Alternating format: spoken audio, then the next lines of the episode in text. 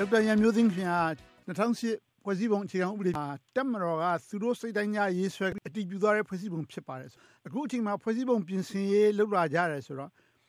တက်မတော်ဘက်ကရောဒီဖွဲ့စည်းပုံကိုပြင်ဆင်ပြောင်းလဲဖို့ဆန္ဒအမှန်တကယ်ရှိရတယ်လို့ယုံကြည်နိုင်ကြအကြောင်းရှိပါသလားသူတို့မှဘာကြောင့်များသူတို့စိတ်တိုင်းကြဆွဲထားတဲ့ဥပဒေကိုအခုခါမှပြင်ရမယ်ဆိုတော့ဆန္ဒဖြစ်ထွန်းလာကြအကြောင်းရှိနေပါလားခင်ဗျာ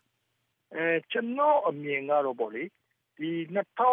2015ထူရီရေကောက်ပွဲအလွန်မျိုးသားဒီမိုကရေစီအဖွဲ့ချုပ်ပါတီဥဆောင်တဲ့အစိုးရတက်တန်းအတွင်းမှာဒီတက်မတော်ဘက်ကလည်းပဲဒီ2008ဖွဲ့စည်းပုံအခြေခံဥပဒေကိုတော့ပြင်ဆင်ဖို့လိုအပ်တဲ့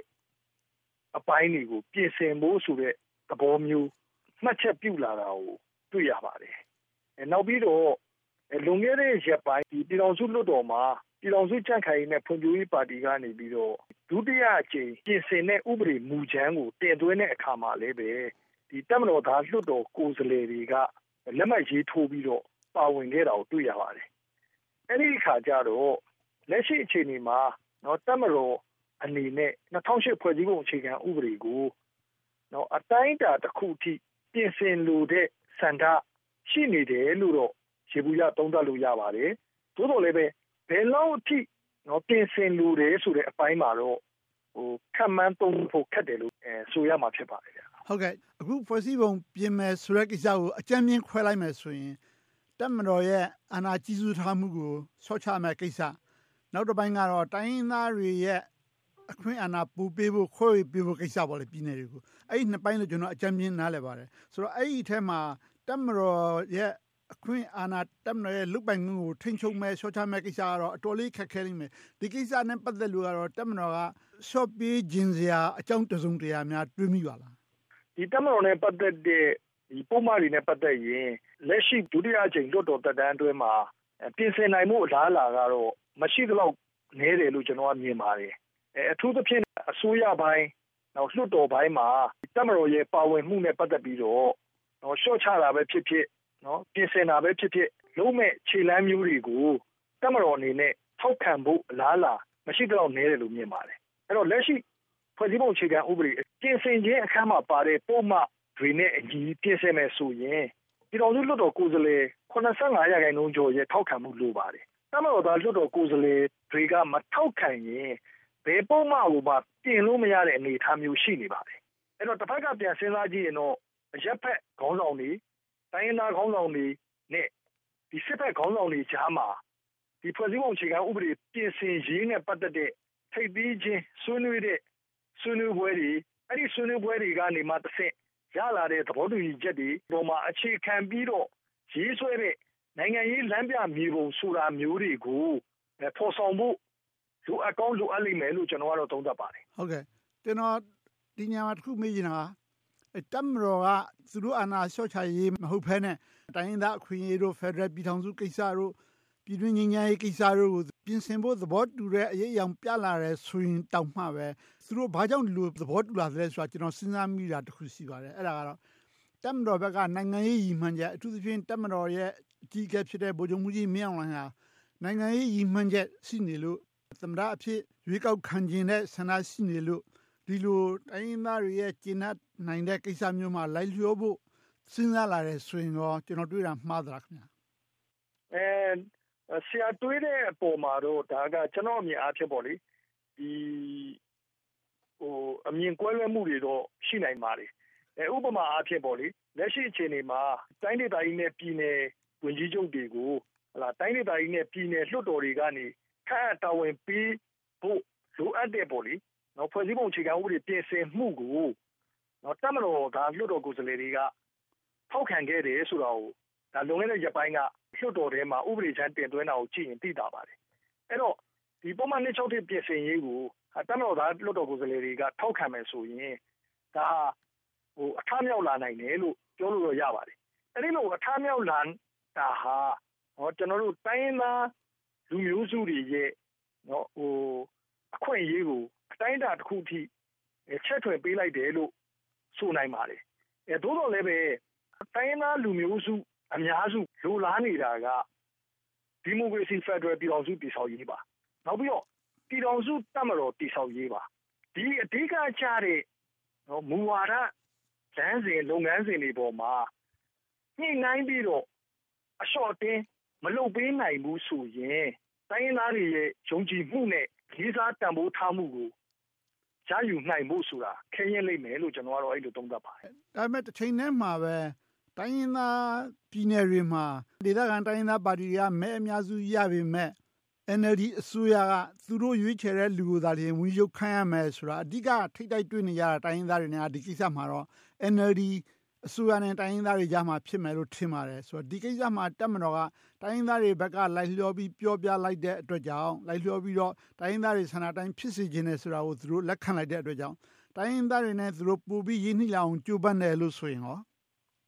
ပုံမှန်နှစ်6တိတ်ကို ပြင်ဆင်ပြီးတော့ တိုင်းဒေသကြီးနဲ့ ပြည်နယ်လွှတ်တော်တွေကနေ တိုင်းဒေသကြီးနဲ့ ပြည်နယ်ဝန်ကြီးချုပ်တွေကို ရွေးချယ်လာနိုင်မယ်။နောက်တိုင်းဒေသကြီးနဲ့ ပြည်နယ်အစိုးရတွေကို ဖွဲ့စည်းလာနိုင်မယ်ဆိုရင်တော့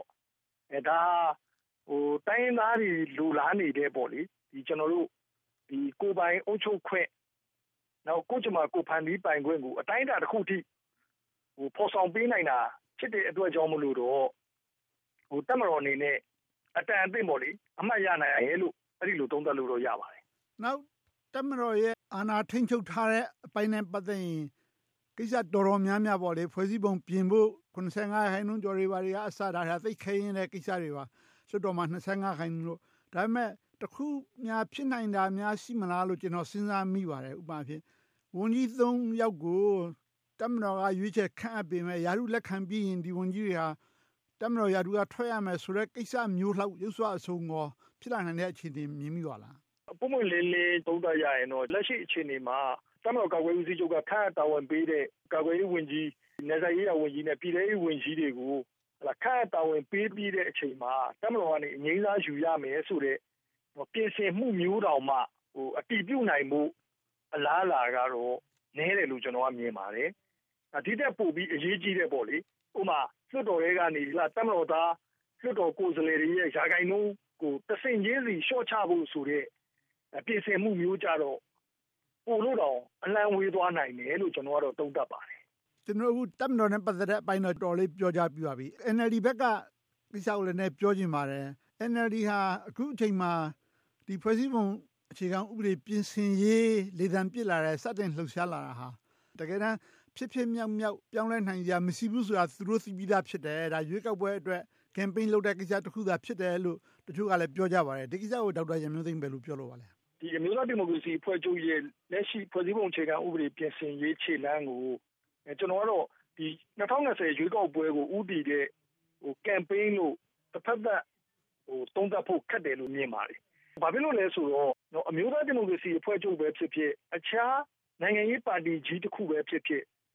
လက်ရှိအခြေအနေမှာ2008ဖွဲ့စည်းပုံအခြေခံဥပဒေရဲ့ အကြက်တဲကတော့တမတော်က မထောက်ခံရင် ဘယ်ပုံမှဟိုမှာပြင်လို့မရတဲ့ အကြက်တဲကြီး ဖြစ်နေပါတယ်။အဲ့ဒီအတွက်ကြောင့်မလို့ ဒီအကြက်တဲကိုတော့ ဘယ်ပါတီပဲဖြစ်ဖြစ်ကြီးကြီးငယ်ငယ်ရင်ဆိုင်ရမယ့်အနေအထားမျိုးမှာရှိနေပါတယ်။အဲ့ဒီအတွက်ကြောင့်မလို့ဟိုအမျိုးသားဒီမိုကရေစီအဖွဲ့ချုပ်ကဒီလိုမဖြစ်နိုင်တဲ့ကိစ္စတစ်ခုကိုနိုင်ငံရေးအရပုံဖော်ပြီးတော့ရွေးကောက်ပွဲကမ်ပိန်းအနေနဲ့ဖော်ဆောင်တယ်လို့သုံးသပ်မယ်ဆိုရင်တော့ဒါနည်းနည်းလေးကျွန်တော်အမြင်အားဖြင့်ပေါ့လေဟိုမျှတမှုမရှိနိုင်ဘူးလို့ကျွန်တော်မြင်ပါတယ်ဟုတ်ကဲ့နောက်တစ်ခုမေးရင်အမျိုးသားဒီမိုကရေစီအဖွဲ့ချုပ်ဟာ ဖိုးရွေးကောက်ပွဲမတိုင်ခင် အာဏာမရခင်ကတည်းက ဖွဲ့စည်းပုံပြင်ဆင်ရေးကိစ္စကို ပြောခဲ့ပေမဲ့အာဏာရလာပြီးတဲ့နောက်ပိုင်းမှာ အမျိုးသားပြန်လည်သင့်မြတ်ရေး သူတို့ခေါ် အမျိုးသားရင်ကြားစေးရေးပေါ့လေအဲ့ဒီသဘောမျိုးနဲ့တက်မတော်နဲ့သူတို့အများကြီး အပေးအယူလုပ်တယ် တချို့ကလည်းပဲဒါ compromise လုပ်လွန်းတယ် အလျှော့ပေးပြီးတော့ နေလာခဲ့တဲ့ဒီကိစ္စကို မပြောဘဲနဲ့လို့ ဆိုခဲ့ပါတယ် ဆိုတော့ NLD ဟာ ဒီကိစ္စမှာတက်မတော်နဲ့ ထိတ်တိုက်ရင်ဆိုင်ဖို့ မကြိုးစားခဲ့တဲ့အတွက်ကြောင့် တက်မတော်နဲ့ NLD အစိုးရရမှာ ပြန်လည်ရင်ကြားစီးကဘယ်လောက်ထိ အောင်မြင်ခဲ့တယ် လက်တွဲပြီးတော့ ဘယ်လောက်ထိ လုတ်ခဲ့နိုင်တယ်လို့ သုံးသပ်လို့ပါသလဲ သုံးသပ်လို့ ရပါသလဲဒီ2016ဒီ NLD အစိုးရ ဖွဲ့ပြီးနောက်ပိုင်းမှာဒီအစိုးရအနေနဲ့ဟိုအလျှော့ပေးတာတွေ လိုက်လျောတာတွေ ရှိတယ်ဆိုတဲ့အတန်တွေတော့ဟိုကြားရပါတယ် ဒါပေမဲ့တစ်ဖက်က ကျွန်တော်မြင်တာကတော့ဒီအစိုးရအကြီးအကဲပိုင်းတွေနဲ့နော် တက်မတော်အကြီးအကဲပိုင်းတွေချားမှာ နိုင်ငံရေးအရ တွေ့ဆုံဆွေးနွေးတာမျိုးကို မတွေ့ရတော့ပဲလို့ ကျွန်တော်ကတော့ မြင်ပါတယ် အမျိုးသားဒီမိုကရေစီအဖွဲ့ချုပ်က အစိုးရဖြစ်လာတဲ့အချိန်မှာ အဲ့ဒီနိုင်ငံရေးအရ တွဲဆုံဆွေးနွေးလမ်းကြောင်းကိုတမတော်နဲ့ ဆက်ဆံတဲ့အပိုင်းမှာရော တိုင်းရင်းသားပါတီတွေနဲ့ ဆက်ဆံတဲ့အပိုင်းမှာရော နောက် အခြားနိုင်ငံရေးပါတီတွေနဲ့ ဆက်ဆံတဲ့အပိုင်းမှာရော တော်တော် ရော့တိရော်ရဲနိုင်စွာနဲ့ ဖော်ဆောင်ခဲ့တာကို သတိပြုမိပါတယ်။